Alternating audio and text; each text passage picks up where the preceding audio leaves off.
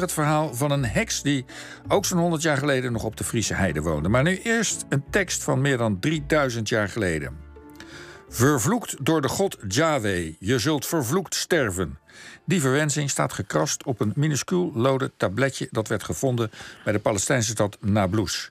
Het team dat de inscriptie ontcijferde weet vrijwel zeker dat het tablet uit de periode tussen 1500 en 1200 voor Christus stamt. Dat zou, bewijs, dat zou bewijzen dat de naam God, Yahweh in het Hebreeuws, al eeuwen eerder werd geschreven dan men tot nu toe dacht. We bespreken met een van de onderzoekers, Pieter Gert van der Veen. Pieter, goedemorgen. Goedemorgen. Ja, uh, ja nu werd, is dus bekend geworden uh, dat die vervloeking van 3000 jaar oud uh, stamt ontcijferd is. Een vloek in het Hebreeuws. Um, ik heb begrepen dat je hem niet kan uitspreken. Kan je uitleggen waarom? Ja, dat is omdat uh, de taal in die tijd... Uh, we hebben dus wel tekstjes uit die periode... Mm -hmm. eigenlijk uh, zonder klinkers was. En juist eerst heel veel later... werden klinkers aan de Hebreeuwse schrift toegevoegd. Dus we weten niet precies. Het is een, het is een, het is een inscriptie zonder klinkers. Ja, maar hoe weet je dan wat er staat?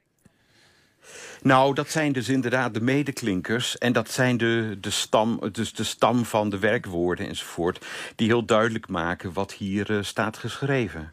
Maar je, je durft het niet te gokken? Uh, nee, ik denk het niet. We hebben genoeg uh, andere inscripties als parallellen... waar je mee kunt vergelijken welke woorden hier gebruikt zijn. En in feite zijn dit ook maar heel weinig woordjes. U hebt het al gezegd van vervloekt. Uh, vervloekt door, door Yahoo, Yahweh. Je zult zeker sterven. Dat zijn maar een paar woordjes. En die zijn heel duidelijk bekend uit andere inscripties. Mm -hmm. Ja, want het is ja. nogal wat, zo'n vervloeking. Dat is niet kinderachtig. Uh, nou menen we dat mensen ja. die geloven altijd braaf zijn... maar hier gelooft iemand en die zegt gewoon... jij bent vervloekt door mijn God. Was dat gewoon in die tijd? Uh, ik weet het niet. Het is heel moeilijk te zeggen van wie dit, uh, deze inscriptie heeft gemaakt. Wel weten we uit de Bijbelse traditie dat de berg Ebal... waar deze inscriptie is gevonden... bekend stond als berg van vervloekingen. Maar we denken dat de inscriptie iets te, ja, te vergelijken is... met een soort voodoo-tekst. Iemand wilde iemand anders kwaad en uh, heeft die tekst opgeschreven. Toen werd dat lode tabletje samengevouwen en waarschijnlijk in de grond gestopt. Niet dat iemand anders dat nog zou lezen. Uh, iemand wilde dat de goden of God, Yahweh, uh, die andere persoon wat kwaad zou doen. Ja, het ging erom dat God het las. Ja. Want het, het ja, gaat in hier feite was dat het belangrijkste. Ja. Ja. ja, want het gaat hier om een lode tabletje van 2 bij 2 centimeter. Wat al in de jaren 80 gevonden is. Hoe kan het dat jullie het nu pas ontcijferd hebben? Nou, zoals dat heel gebruikelijk is in, in de archeologie. Um, er is altijd, als je een opgraving doet, heb je heel veel puin, vulmateriaal.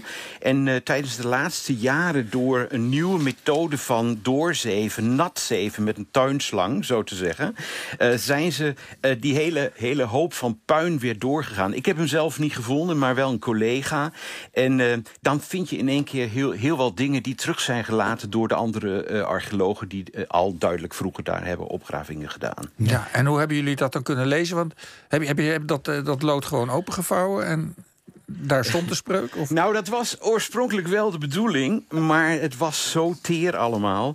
Dat hebben dus collega's gedaan aan de Hebreeuwse Universiteit. Die wilden dat openvouwen, maar dat ging niet. Uh, het, was, het begon te brokkelen. En toen hebben we ontdekt van dat ze aan de universiteit in Praag... een, uh, ja, een software hadden uh, ontwikkeld... om tomografisch binnenin metalen teksten te kunnen kijken. Dat is wel opmerkelijk. En die hadden dat inderdaad ook al bij lood gedaan... En op die manier ja, qua, uh, maakten ze heel veel scans. En toen werd duidelijk van... we hebben aan de binnenkant heel duidelijk wel een inscriptie. Ja, maar niet alleen aan de buitenkant. We hebben ook een heleboel um, foto's zijn gemaakt... die nu laten zien dat je aan de buitenkant... nog eens een keer die, uh, die vervloeking hebt staan. Maar ben jij nou de eerste mens op aarde die dit ding gelezen heeft? Um, nee, samen met, een collega, samen met een collega van de Universiteit Haifa uh, zijn wij aan de slag gegaan. Oorspronkelijk hebben ze, dachten ze wel dat ze een paar tekentjes zagen. Maar wij zijn inderdaad wel samen diegene die deze tekst hebben ontcijferd. Ja. ja. En nou zei ik net in de inleiding dat dat heel wat betekent. Want dat de naam van God dus echt veel eerder al is gebruikt dan we tot nu toe dachten. Hoe zit dat precies? Nou, inderdaad, want uh, die inscripties die we tot nu toe kenden... de vroegste inscriptie waar de naam Yahweh, of deze vroege vorm Yahoo in voorkwam... Uh, was een tekst uit um, het Jordaanse gebied uit, uit, van het eind van de 9e eeuw. Dus voor die tijd uh, was de naam buiten de Bijbel niet in een vroegere tekst bekend. Ja, maar, maar wat betekent dat dat het zoveel eerder bekend is? Nou, dat heeft uh, daarmee te maken. Als, als, ja, je hebt dus inderdaad een hele oude um, traditie, een overlevering, ook in de Bijbel, dat de Israëlieten uh, als volk dus duidelijk vroeger ontstaan, tijdens de tweede, tweede millennium voor Christus. En ja, dat is dan aan de ene kant die overlevering. Maar nu vinden we inderdaad uit het tweede millennium, de tweede helft, tweede millennium voor Christus, vinden we een tekstje waar de naam van de God van Israël wordt genoemd. Uh, een tekst die je inderdaad als Hebreeuws kunt, oud-Hebreeuws kunt lezen.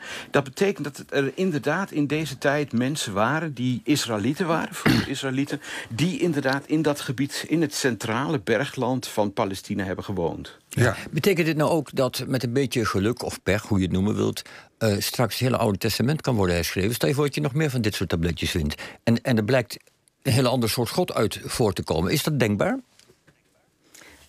Uh, alles is denkbaar. Maar in dit geval is, dat waarschijnlijk niet het geval. Want inderdaad, wat deze tekst laat zien... is dat uh, inderdaad de, de hoofdgod van Israël... Uh, deze naam Yahweh uh, droeg. En dat is ook wat je in de Bijbel vindt. Ja, goed. En we weten nu dat die hoofdgod uh, al iets eerder bestond... dan we tot nu toe dachten. En uh, die, die Israëlieten dat geloof iets eerder ja. beleden. Goed. Ja. Pieter Gert van der Veen, dank voor de toelichting. De publicatie van jullie onderzoek wordt eind dit jaar verwacht. veel succes met de afronding. inderdaad. Dat ja? Is, ja, dat is inderdaad gepland zo.